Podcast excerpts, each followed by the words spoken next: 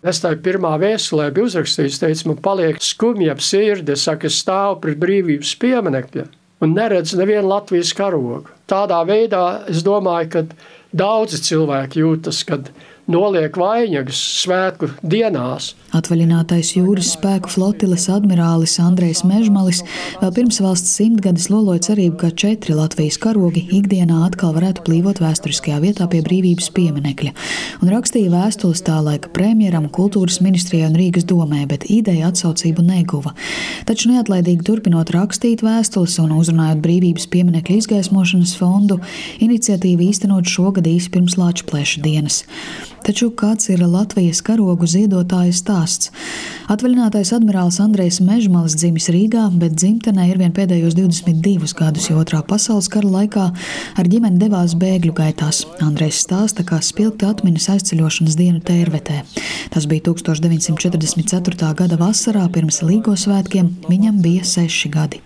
Tēvs ieskrēja iekšā, teica, Krievu tanki Bauskā, tūlīt jājūt zirgs, Māte dabūja vienu govi, ko piesiet aizmugurē mums uh, trim bērniem, lai piens ieskrēja. Mājā bija tāda kā kūpinātava, kur uh, žāvējās gaļa. Viņa paņēma tur kādu gaļas gabalu, ieskrēja guļamistabās, paņēma ar visām segām un palagiem, sameta tos ratos un, un devāmies uh, uz kurzemi. Tieši pirms Jāņiem. Atceros, kad uh, tēvs vēl vārdā Jānis grasījās taisīt alu. Tā laikā jau viss bija sagatavots, vai ne? Viss to pameta visām mucām. Un laukos jau tā, tā bija tradīcija. Tev vārdā bija Jānis, un tev nebija alus mājās. Māte jau arī bija sākusi iet laikam sieru, arī kādu sieru rituli paņēma līdzi. Ģimene izmitinājās kurzemē kādā skolā, bet vēlāk rudens pusē nonāca Liepājā, no kurienes bēgļi ar kuģi devās uz Vāciju. Andrēs nokļuva Vācu pilsētā Dancigā, kas ir mūsdienu Gdaņska polijas teritorijā. Tur ģimene kādu laiku dzīvoja barakās, bet tēvu nošķīra no ģimenes un nosūtīja grāvju rakšanas darbos. Tēvs bija pazudis, mēs nezinājām, kur ir māte ar trīs bērniem. Mēs atrodamies Austrumvācijā. Tā bija tāda, ko sauc Meklenburgas province.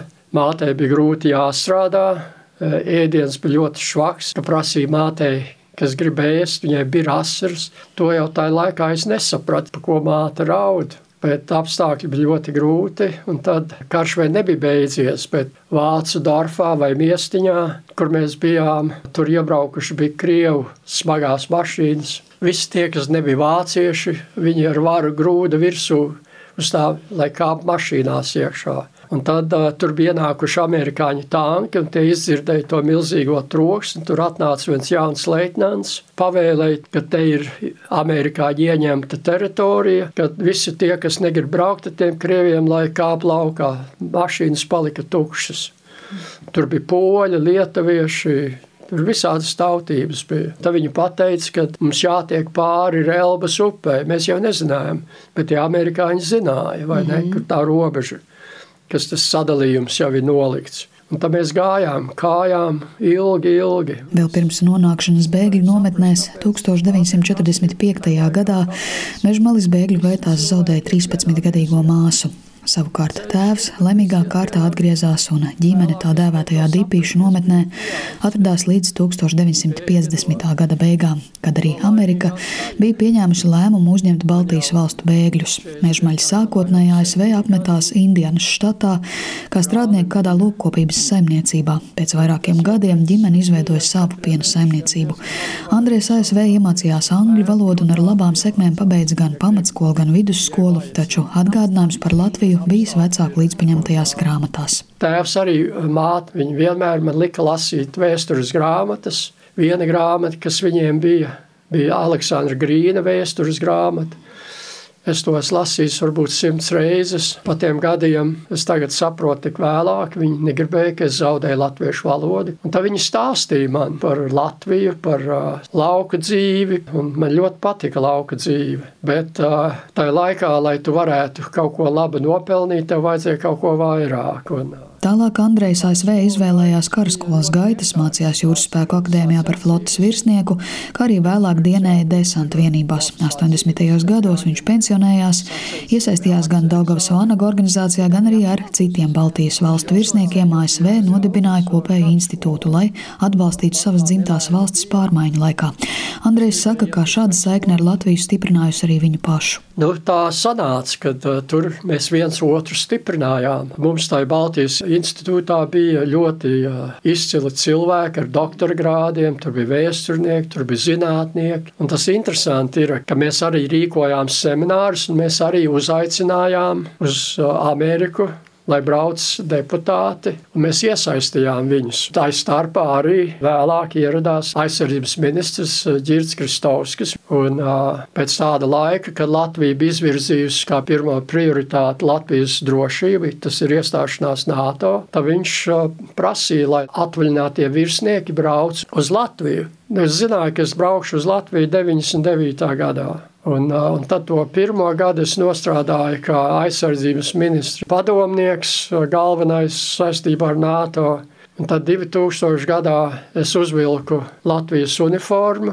Vēl pirms pārcelšanās uz Latviju Andrejs atceras arī pirmo reizi, kad 90. gados apciemoja savas dzimtās mājas tērvetē, kuras bērnībā steigā nācās pamest. Niecāta bija izpostīta, un mežmaļu mājā dzīvoja četras ģimenes, bet tas viņu neatturēja no atgriešanās. Tagad valsts svētkos Andrejs Mežmalis uzvelk savu uniformu, dodas uz dievkalpojumu un noliek ziedus pie brīvības pieminekļa, īpaši pieminot arī savu māti, kas piedzīvoja arī pirmā pasaules kara notikumus Latvijā. Vaicāts, kādēļ viņš turējās pie idejas par Latvijas karogiem pie brīvības pieminekļa, Andrejs atbild sekojoši. Māte man vienmēr stāstīja vienu sapni, ko viņa atkārtot ir redzējusi naktī. Viņa teica, Andrej, es redzēju paceļam Latvijas karogu Latvijā viņa teica, Latvija būs brīva. Un viņa gribēja to pieredzēt, un es viņu atvedu. Tas varēja būt ap 96. gadu, jo viņai veselība viņai jau bija pāri pa 90 gadi. Un tad, kad es sapratu, ka viņa gribēja tikt uz Latviju, lai šeit varētu nomirt, tas man iespiedās atmiņā jau no bērna kājas, ka viņa stāstīja par tiem saviem sapņiem. Un arī to, ko viņa stāstīja par Annu Brigaderi, par sprīdīti, par uh, arī vēstures grāmatu, kas man kā puikam bija jālasa un ko es iemīļoju. Un es domāju, tā ir ģimenes audzināšana. Mīlestība ne tikai pret savu ģimeni, bet arī pret savu tautu un pret savu valsti. Un es domāju, tas ir mantojums maniem vecākiem. Un es domāju, to nepanāca Andrejs Mežmalis, bet to panāca visa tauta, visi tie, kas ir cietuši un cerējuši, ka Latvija atkal reiz būs brīva. Paldies par sarunu! Sintīna Ambote, Latvijas radio.